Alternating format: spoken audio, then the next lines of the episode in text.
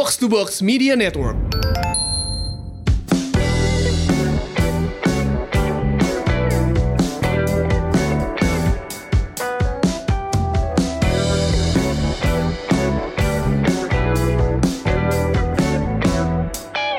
Hai Semurians, welcome back. Ini dia podcast Semur. Sehat Makmur, podcast yang mengajak kamu untuk sehat jasmani dan makmur finansial. Saya Ligwina Hananto dan saya nggak sendirian, selalu ada rekan siaran saya. Eh, halo. Halo, halo. Ada efek Mario. Ini podcast di bulan puasa ya. Uh, Yes. Aku alhamdulillah kebagian puasa di awal. Biasanya kalau gitu artinya kebagian puasa awal dan puasa akhir. Kalau perempuan Oke. soalnya tahu-tahu nggak puasa awal berarti Idul Fitrinya juga nggak kebagian. Oh iya, jadi problemnya biasanya Ah, jadi nggak ah, sholat id ya. Ya, tapi ini alhamdulillah lancar ya. Pas kita rekaman ini puasanya udah beberapa hari, gue somehow merasa very productive di puasa tahun ini. Mungkin Oke. mungkin karena lebih siap ya. Kayak tahun lalu tuh emosi karena lagi di tengah pandemi kan. Mhm. Jadi kayak penyesuaian diri sedih Penyesuaian ya, adaptasi. dan Mhm. itu baru di awal pandemi yang bener-bener ketemu orang tua aja nggak berani Yes, ya ingat gua. kan? Nah, tahun Ah. ini kayak udah lebih banyak adaptasinya.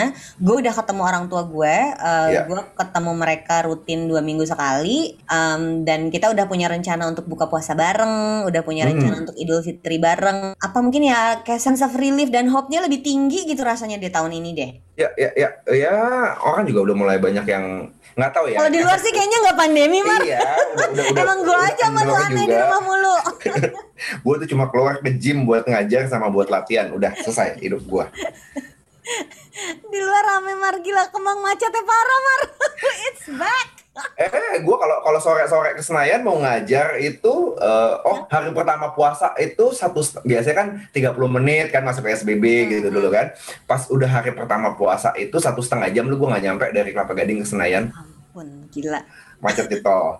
Itu biasa yang yang lu tau kan fenomena jam-jam sebelum jam buka biasanya macet parah. Iya iya iya. Jadi kirain itu udah nggak terjadi, ternyata udah terjadi lagi udah sekarang. terjadi lagi pas pas jam buka puasa beduk jam teman jalanan kosong tuh blar nah itu baru bisa Gua nggak udah nggak bisa komentar sih. Kalau dulu kan strict banget, sekarang gue yang ya orang punya depresinya masing-masing kali, stresnya masing-masing gitu. gue sih udah di tahap yang ya what's good for you it's good for you what's good for me Lakum dinukum nah islamisasi I podcast can syariah by any thread. tapi tapi yang menarik em, kalau bulan puasa itu kan em, identik sama kemarin ada thread lucu. Bukan thread sih satu tweet lucu. Gue lupa siapa yang ngomong. Eh, I wish I remember dan gue bisa quote dia di podcast kita ya. Tapi oh apa Rian Adrian? Dia yang ngomong ya? Ngomongnya tuh gini berbukalah dengan yang manis tuh iklan. Oh iya itu kan bukan iklan sirup hadis.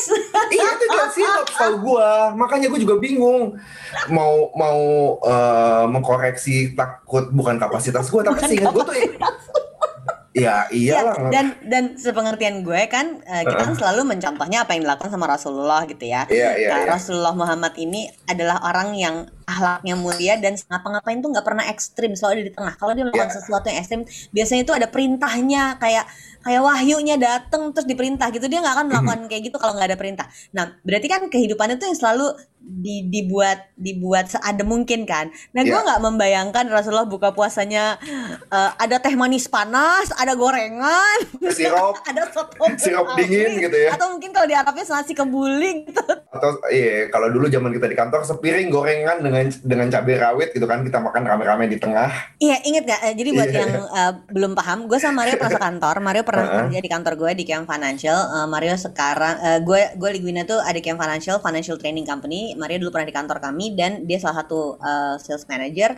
Sekarang Mario tuh bikin gym sendiri, Gym, namanya ah. Infinite fit camp Hmm. Infinite Camp Gym. Apa sih? Fit- infinite fit camp Infinite Fit Camp terbalik Ah. mulu. Nah, uh, dulu kalau kita di kantor, gue tuh kan rajin beliin buka puasa kan, Mar. iya iya Kayak hampir setiap hari tuh ada bukaan, tapi anak-anak nggak peduli. Anak-anak kantor akan selalu ada sepiring gorengan. Mau gue beliin itu nasi rice bowl ke, mau sate ayam ke, tetep loh. pokoknya gorengan mesti ada sama es buah Padahal, padahal eh, yang diajarkannya kebiasaan Rasulullah itu adalah berbuka dengan segelas air putih dan eh, dua butir kurma. dua apa tiga sih Dua per tiga ya, gue lupa juga. Tapi kurmanya yang yang jelas nggak kayak ganjil kurma gitu yang kan. sekarang, nggak kayak kurma yang Oh. sekarang, Mar. Mhm. kurma yang sekarang tuh kan kurma yang manis banget. Heeh, kurma segar itu yang masih hijau ya? Iya, jadi jadi ada yang klaim Oh, kurmanya belum tentu sama kurma yang kita makan loh gitu. Oke, Nah, oke, ini oke, sebenarnya oke. obrolan kita bukan mau membahas hadis ya hari ini iya ya. iya iya iya. Mau ngebahas tentang apa yang kita makan selama bulan puasa. Yap. Uh, gue naturally puasanya um, turun bisa 3 kiloan, Mar. Oke, good, good. Habis lebaran? Dari interesting kemudian lebaran Habis tiba. lebaran gimana? Lebaran tiba, lebaran tiba. Badan dua. jadi lebaran juga ya? Lebaran dan lebaran itu iya, iya. adalah hal yang sama, saling berkaitan. hurufnya sama. Jadi jadi em, keluarga gue, gue dan anak-anak eh, akhirnya ke bawah sama anak-anak juga. Mereka tuh saking ngantuknya untuk sahur, Mhm. nggak sanggup makan berat kalau sahur. Oke, Jadi anak-anak gue punya kebiasaan sahurnya itu kayak sarapan biasa. Bagus Oke. kan, jadinya nggak berat Iya, gitu. iya. Sarapan biasa itu apakah sereal, ataukah roti, Ah. atau kadang-kadang scrambled eggs aja pakai sosis gitu. ya. Eh, sehingga sahurnya tuh nggak pernah berat. Mhm. Baru Nyiapin- buka nyiapinnya puasanya juga gampang ya. Heeh, heeh. Jadi gue nggak harus bikin kayak nasi dan lauk pauknya Iya, sama sayuran iya, yang banyak gitu. Baru pas buka puasanya kita makan normal. Oke. Itu aja kalau kita bayangin makan itu kan makan pagi, makan siang, makan malam gitu ya. Gue pengertian sederhananya nih kalau di luar puasa yang ibadah ya. Intermittent fasting itu kan basically kayak skip sarapan kan, Mar? Iya betul ngurangin satu jenis makan. heeh. Eh satu satu waktu makan. Iya iya kalori. If you think about it, si puasa Ramadan ini berarti kan seperti skip satu Makan siang. makanan, Heeh, makan Mhm. siang di skip, Mhm. tapi ada sarapan sama makan malam gitu kan sebenarnya. iya iya Cuman betul. orang biasanya sarapannya menjadi sahur yang banyak gitu. Iya. Atau makan malamnya bablas banget. Atau eh, nah akhirnya gue kebiasaannya ini habit eh, mau nanya sama lu sih dari sisi pengetahuan eh, diet yang lu udah eh, kenal eh, untuk fitness ya. Mhm. Gue sarapannya eh, sahurnya tuh kayak sarapan aja roti sepotong. Kadang-kadang kalau lagi pengen gue bikin peanut butter jelly terus eh, sama strawberry jam eh, atau telur sama sosis aja. Eh, gue lagi craving cereal sebenarnya tapi belum sempat beli cereal yang gue mau. Gue seneng yang all grains gitu. Eh, makan malamnya tuh normal bener-bener nasi sama Ya. lauk pauknya dan Lauk, sayurnya kalau uh-uh. ada kuah-kuahan gitu. Heeh, Eh, jangan dengan lupa buah ya, jangan lupa buah. Nah, dengan dengan buka puasanya yang benar-benar teh manis panas, terus ada kurmanya juga, kadang ada cookiesnya. Jadi makan siang gue lepas gitu. Tapi karena sarapan sahurnya itu sangat ringan dan siang nggak makan, ya naturally turun 3 kilo gitu, Mar. Iya iya, kan lu skip satu makanan. Eh, kan kan yang suka jadi problem orang bilang meng- eh, kok bulan puasa gua malah menggemuk tuh kan sebenarnya karena pas jam buka langsung bablas Nah, gila-gilaan. itu yang mau kita bahas hari ini sebenarnya, Oh. geng. Kita nggak bahas hadis ya. Kita hari ini, kita hari ini mau ngebahas tentang diet. Dulu kita Yes. udah pernah bahas ya soal diet-diet Udah, udah. ini ya, Mar. Eh, kita diet udah pernah bahas eh, ada di episode sebelumnya soal puasa juga kita pernah tahun lalu kita udah mulai bikin podcast kan kita udah pernah bahas Ya. olahraga sebaiknya pas puasa gimana cek deh episode episode awal tuh episode 6 kalau nggak salah Hmm. Eh, Gila itu episode 6 sekarang udah 40-an. udah 50-an Tahun kemudian dalam pandemi kita podcast. iya udah Uh, 50-an sehingga yang sekarang kita sebenarnya lebih mau ke um, balik lagi ke refresh our memory Ya. pengertian pengertian diet itu apa karena orang suka konotasinya diet itu berarti starving yourself nggak Ya. makan tersiksa nggak mau makan gitu kan hmm. Kalau kalau gue nanya ke lu, kredibilitas lu untuk bahas diet ini apa Mar? Biar biar semuriannya paham juga. gue eh, gue emang sertifikasi? sudah certified eh, sport nutritionist ter- apa sport nutrition sama certified eh, trainer jadi ya I know a thing or two about diet lah ngejalanin Dari diet sendiri juga eh, gue pertama kali diet 2008 itu 2006 2008 Ya. ya udah belasan tahun mulai nyari-nyari baca-baca nerapin nyari yang pas gimana Ya. gue sih berasa semua jenis diet akan ada kelebihan dan kekurangan jadi Ya. Eh, kalau ada suatu kritik terhadap suatu diet yang lu jalanin jangan terlalu sensi juga gitu pasti ada pasti ada plus minus lah Nah, jadi kita ambil yang bagus-bagusnya aja lah Dengan prinsip itu juga kita kalau ngebahas diet nggak pernah selalu memihak satu diet berlaku untuk semua nggak, nggak. orang gitu ya. yes Eh, yes Tapi balikin lagi Mar, kalau orang ngomongin diet dalam conversation biasa aja ya, bukan dalam konteks fitness atau kesehatan, orang kan ngomonginnya oh lagi diet gitu ya. Hmm. Eh, apa nggak makan nasi? Oh lagi diet. Apa em, lu nggak bisa makan gula? Oh lagi diet. Apa lu makannya cuma Aha. salad doang? Lu lagi diet. Sehingga Ya, konotasinya tuh adalah diet tuh nggak boleh makan ya gitu. Disuruh menderita iya. ya gitu.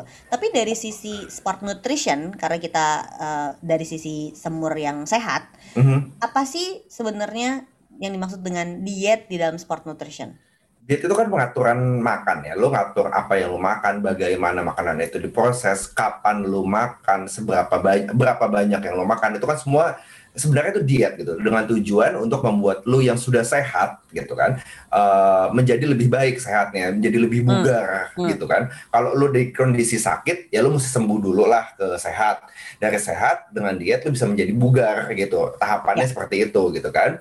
Ah, Nah, ah. eh, kalau orang ngomong, oh lu lagi diet, kadang-kadang orang berpikir tuh diet itu cuma buat satu time frame. Lu pengen turun eh, 5 kilo, 10 kilo, oke gua akan diet sampai goal gua tercapai, nanti gua akan eh, bisa lebih bebas lagi. Eh, sebenarnya sih kita harapannya tuh kalau bisa lu eh, diet itu tuh dijadiin lifestyle, lu jadiin gaya hidup, bagaimana ya apa ya lu sebenarnya yang bikin yoyo tuh Heeh. ini ya yang bikin yoyo tuh ini lo lo orang bikin lagi diet ah, biasa kan oke gua akan diet ketat gak makan gila-gilaan I'm gonna starve myself I'm gonna torture myself Which work, which work for me. I Gue know turun 10 for some kilo, some gue bisa some maraton gara-gara gue berat badannya turun. ya Tapi karena nggak gue itu jadiin lifestyle, nggak gue jadiin bagian dari habit, balik lagi berat badan. Mhm, mhm. Mm-mm.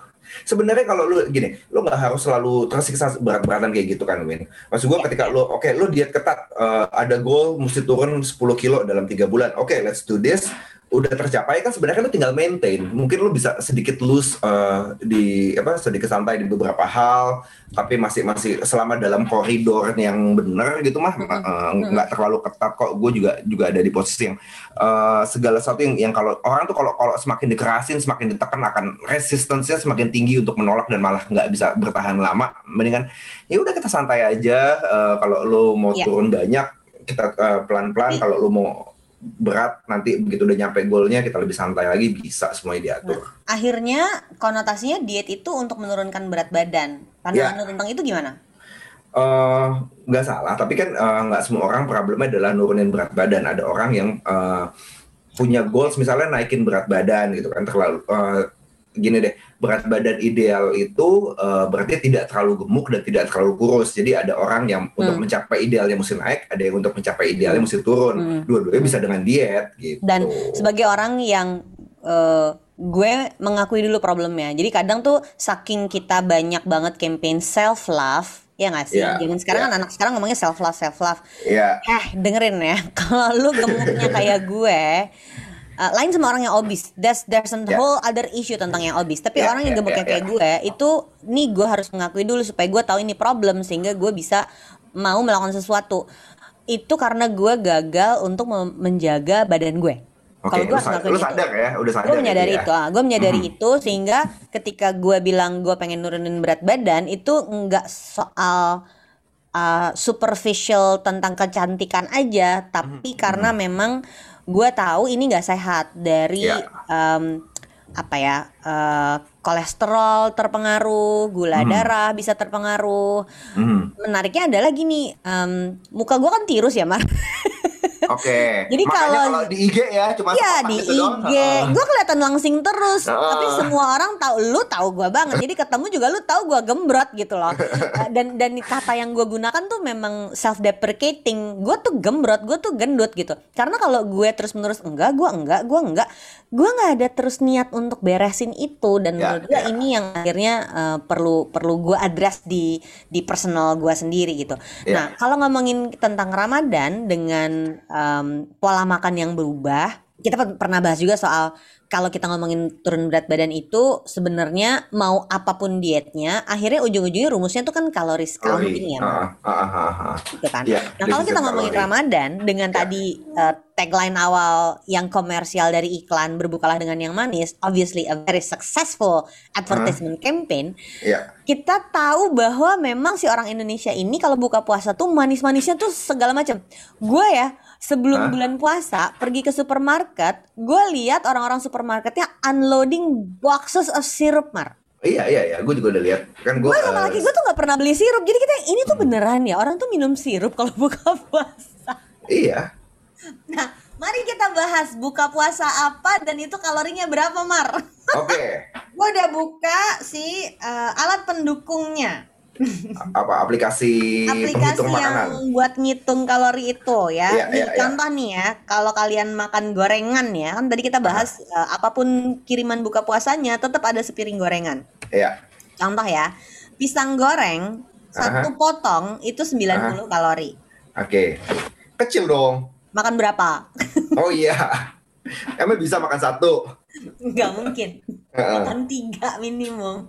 itu juga mak- nah itu nah itu nah itu kadang-kadang trikinya Win satu pisang Oh, goreng. 9 90 kalori tapi yang dimasukin di aplikasi itu eh, pisang goreng yang segede apa lo beli pisang tahu, goreng uh-uh. nah kan lo beli pisang goreng di abang-abang sama beli pisang goreng yang hits yang di Jakbar itu yang pisang goreng Uh-uh, madu pasti beda itu kalorinya gitu kan Ketika kita ngomong kalorinya kan ada carbsnya, ada fatnya, ada Mm-mm. proteinnya itu kan nggak tahu juga Mm-mm. berapa. Jadi jangan-jangan eh, kalorinya doang dimasukin ke situ, padahal Ya. ternyata sodiumnya lah tinggi bangetnya, Ya, apanya lah tinggi banget ya. nah itu yang kita nggak tahu. Ya. Oke, itu baru pisang goreng. Cireng dong Mar.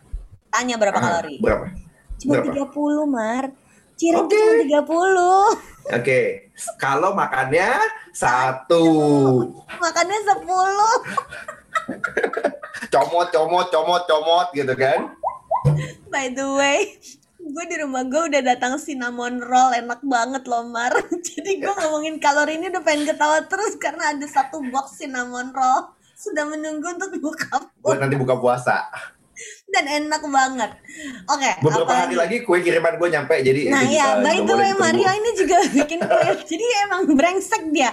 Kita ngomongin kalori, bikin gue merasa bersalah. Tapi gue tadi pagi sebelum si- sebelum rekaman podcast, Mar Mar, gue mau pesen kue lebaran. nggak apa-apa yang penting kan asal makan dengan sadar itu kan yang penting Jadi akhirnya em, sebenarnya kalau kita ngomongin kalori Mhm. counting dalam Mhm. Konteks sport nutrition, berapa ribu kalori sih yang dibutuhkan manusia ini untuk bisa operate normally dengan olahraga medium, Hmm. Moderate? Sebe- eh, sebenarnya tuh hitungan kalori tiap orang beda-beda. Tergantung usia jenis kelamin tinggi badan berat badan gitu kan. Eh, lo kalau kalau mau cara gampang eh, just eh, ca- cari aja di Google. Banyak kok yang yang nyediain kalkulator online. Itu biasanya dia akan akan nyebutin eh, tiga hal. Pertama tuh BMR eh, basal metabolic rate. Iya. basal metabolic rate itu Ini berapa banget kalori ya diomongin kalau di fitness world ya. Mm, berapa kalori yang lo butuhkan hanya untuk uh, hidup gitu kan. Misalnya lo dalam kondisi nggak ngapa-ngapain lo kondisi koma deh tiduran aja seharian Oh, itu lo butuh berapa kalori untuk hanya untuk menghidupkan organ-organ lo. Ya jantung pompa darah Itu tuh udah butuh energi ya. eh, paru-paru eh, kembang kempis tarik udara buang udara segala macam. Terus darah apa eh, fungsi pembuangan sekresi segala macam. Itu kan butuh kalori. Nah itu biasa ada angkanya berapa? Itu biasa Ya. seribu seribu dua ratus seribu 1200-an. tiga ratus eh, Kurang lebih ya, kan akan beda-beda tiap orang ya. beda tiap orang. Nanti dilihat lagi kebutuhan kalori lu berapa, kebutuhan kal- kalori lu. eh, nanti lu biasa masukin ada ada parameter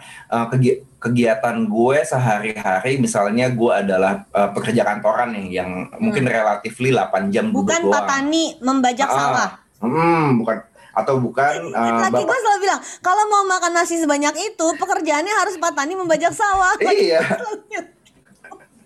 Nah itu kan kebutuhannya beda. Nah lu bayangin, Pak Tani makan nasi segitu banyak badannya masih bisa kering gitu kan, masih bisa rip gitu kan. Ya karena kerjaannya berat. Lu 8 jam di depan komputer, Pak Tani 8 jam, conversation. eh, Pak Tani 8 jam Duduk. mencakul. Gue 8 jam duduk di ruangan Iya, ber-AC. iya. Cuman Nah, itu ngomong kan- online. Kebutuhan kalorinya beda. Nah dari itu sih biasanya yang yang, yang jadi pembeda tuh aktivitas lu apa, terus nanti Iya. olahraga lu gimana. Orang-orang yang mendadak atlet amatir kayak gue gitu, eh, berarti Ah, kan ah, ada kebutuhan kalori yang beda dong kalau Ya. ngomongin mau nurunin berat badan gitu ya Mar ya. Ya, ya, Uh, ya. sehingga si puasa tadi nih kalau di total-total hitung butuh berapa kalori untuk bisa maintain yang tadi gue cerita turun jadi 3 kilo dalam sebulan. Menurut gue turun 3 kilo sebulan dari pengalaman gue sebelumnya ya. Gue sebelumnya pernah bisa turun 10 kilo waktu persiapan maraton itu.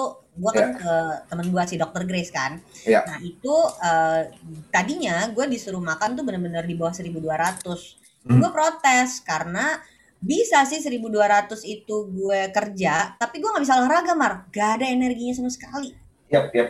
Uh, setuju kok gue. Ya kan? Jadi setelah itu diganti program-program diet gue. Jadi mereka kan punya set of program yang Ya. biasa dipakai untuk orang menurunkan berat badan dan, Ya. dan terbukti berhasil kan. Nah waktu gue mau itu harus di adjust lagi karena itu nggak pakai olahraga gue bilang dan memang kalau di Inggris kan tanpa olahraga bisa bisa turun gitu. Iya. Gue nggak suka, gue seneng olahraganya. Alasan gue menurunkan berat badan itu karena gue pengen bisa lari gitu kan. Gue Hmm. yang yang apa ya bebal banget urusan berat badan ini kan. Nah, Mhm. jadi begitu harus lari dan kalau lari kan eh, kardio ya.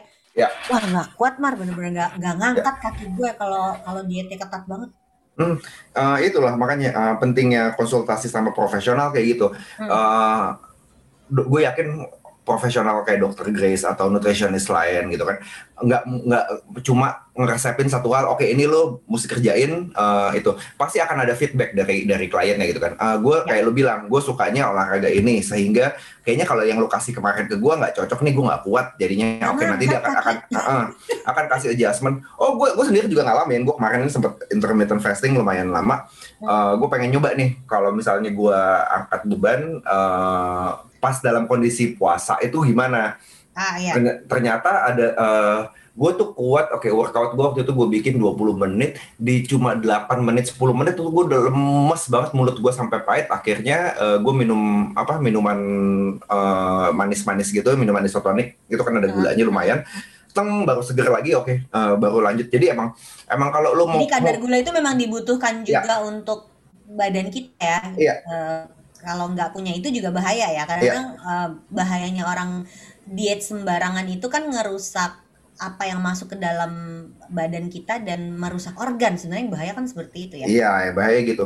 Eh, Nggak usah jauh-jauh apa yang rusak organ dulu deh. Ketika lo olahraga dalam perut terlalu apa dengan kondisi terlalu perut terlalu kosong dan lo lapar banget sampai lo misalnya pusing berkunang-kunang, itu kan bikin lo nggak fokus, bikin lo nggak eh, Iya. nggak nggak Nggak usah ngomongin kerusakan organ ya, yang dekat Iya, aja yang gampang. yang dekat aja. Lo lo lo lo bisa jadi olahraga nggak fokus lo malah cedera jatuh ketiban ang apa eh, barbel atau apa gitu kan itu kan Itu udah cukup berbahaya. Ah, ah, itu udah udah udah bahaya yang instan lu alami gitu nggak usah jauh-jauh ngomongin kerusakan organ nah kalau eh, problemnya diet yang terlalu rendah kalori ya itu nanti bisa bisa eh, nggak baik terhadap organ lo eh, hormon lo bisa nggak stabil kalau perempuan mungkin menstruasi bisa jadi Iya, iya. terhambat gitu. Gue ngerasain itu. Eh, Iya. Haid gue irregular. Gue cukup hati-hati kalau mau engage in a certain kind of diet. Mar, Ya. untuk nutup Mhm. siaran hari ini, gue pengen untuk nutup podcast kita hari ini, gue pengen bikin pengakuan dosa tentang apa yang gue makan. oke Jadi sahur gue biasanya adalah scrambled eggs. Ah, Itu kalau menurut aplikasinya kira-kira 100 kalori itu. ya ya Habis itu sosis Mhm, pakai keju, mhm. Um, karena itu share rame-rame, gue mungkin kebagian sekitar setengah dari sosisnya itu 142. Jadi Udah- udah sarapannya 200. aja udah empat dua empat dua 242. ah. Terus buka puasanya minum teh manis dong. ya kan, minum teh Ya, manis panas. Um, ini dia bilang 2 teaspoon of sugar itu 30 kalorinya. Mhm, mhm. Gue kirain bakalan 120 gitu enggak ya? Gue nggak? nggak inget eh, gula tuh berapa ya satu sendok teh Ya, gue Eh, ngikutin teaspoon ya nanti kalau salah Aha. lebih kurangnya kita ganti-ganti terus kurma. Nah Hmm. ah, ah. lu pikir kurma itu ceritanya sunan nabi tapi ternyata yang kita makan kurmanya beda sama yang dimakan sama nabi. Oke eh, satu biji kurma itu berapa ya? Tapi pembelaannya kurma masih gini deh eh, masih lebih baik kurma daripada lu makan gula pasir langsung gitu kan Eh, gula pasir di teh. Eh, ini ya itu kan langsung naikin dan Ah, beda ya ah. kan itu langsung naikin gula darah gitu kan. Kalau buah eh, lebih paling bagus sebenarnya buah segar gitu kan. Lo eh, ada gulanya ada fruktosanya terus ada serat yang buat mengimbangi mengurangi kecepatan laju gula darah itu kan dari serat gitu. jadi jadi kalau lo makan ada buah, ah. segar bagus. Kurma kalau satu buah itu sekitar 24 kalori. Oke. Sobat. Nasi makannya. Aha. nasi putih. Nasi putih tunggu kita cari nasi putih. Nasi putih 100 gram. Nggak mungkin kan gue makan cuma 100 gram ya? 100 gram lumayan banyak loh. Oh gitu? Satu cup aja coba lihat satu cup. Satu cup satu cawan tuh 100 gram. Hmm. dua sendok dua sendok tuh 150 gram. Sepiring tuh 250 Udah. lah kita ngaku dosa aja. Satu piring nasi 240 kalori. Oke makan malamnya tambah apa ya Lauk lah daging atau sayur gitu. empal gentong Aha. makannya juga brutal gitu sih ini dia satu bowl empat empal gentong 300 kalori Aha. jadi kalau di total total belum pakai snacking nih ya Iya, em, 856 kalori dua kali makan. Itu dua kali makan. Jadi masih ada space 300 kalori ya, lagi. itu boleh-boleh buat yang enak-enak Kalau lah. misalnya gua ngopi segelas Ah, yang pakai ah. gula lagi, Ah. eh, decaf biasanya sebelum tidur, terus Ya. apa ya kayak biskuit-biskuit kecil-kecil. Iya, iya, bisa. Ya di total-total 1200 1400 lah kira-kira masih masuk sih sebenarnya. Iya. Ya Cuman udah. belum ada sayurnya dari tadi Mar. Ih, makanya sayur sama buah belum tuh dari tadi. Gini, be- bedain buah segar sama dried fruit soalnya. Ya Allah, maksud gue, guys, kalau kalian dengerin ini, perhatiin apa yang lo masukin ke badan lo karena Iya. walaupun puasa dan jadinya berkurang kalori intake-nya, kalau nggak dijembrengin kayak gitu tadi, Iya, nggak kelihatan isinya apa. nggak sehat isinya kan? Iya, iya, mana iya. sayurnya, mana buahnya kok nggak ada gitu. Iya. Baru gue yang oh iya ya ini masih kurang banget. Untung gitu. masih puasa awal-awal ya, jadi masih bisa dicek ya. Ayo abis ini minta, Iya, iya. minta Ini Mbak masih potongin minggu-minggu buah buat- awal. Ah, minta Mbak potongin buah buat buka puasa nanti ya. Order, buahnya udah habis soalnya. Order Oke, weekend ini oke. kita udah harus punya intake buah. Jadi by by next week minggu depan eh, apa je- jenis makanan yang masuknya udah lebih bagus. Tapi Iya, iya. artinya mm, buat gue achieving 1200 itu kalau puasa aman. Aman, Kalau hari biasa berarti gue suka bablas dan itu yang Hmm. bikin berat badan gue nambah terus. Oke Semurian, eh, tadi obrolan tentang, ya kita lagi di awal puasa, jadi bagaimana sedikit menyiasati diet lo, makan lo nanti di bulan puasa. Jangan lupa untuk eh, memperhatikan jenis makanan, banyakin fresh fruit, eh, buah segar, sayur eh, sayuran, kurang-kurangin makanan olahan yang manis, yang digoreng. Jangan lupa suplemen, suplemen kita pernah bahas di beberapa episode sebelumnya. Lo cek-cek aja Iya, deh iya. eh, episode beberapa beberapa episode yang lama, belum lama kok 40-an kalau nggak salah itu. Oke, saya FX Mario bersama partner saya. Saya Ligwina Hananto. Buat apa sehat tapi nggak punya uang? Buat apa makmur tapi sakit-sakitan? Live long and prosper. prosper.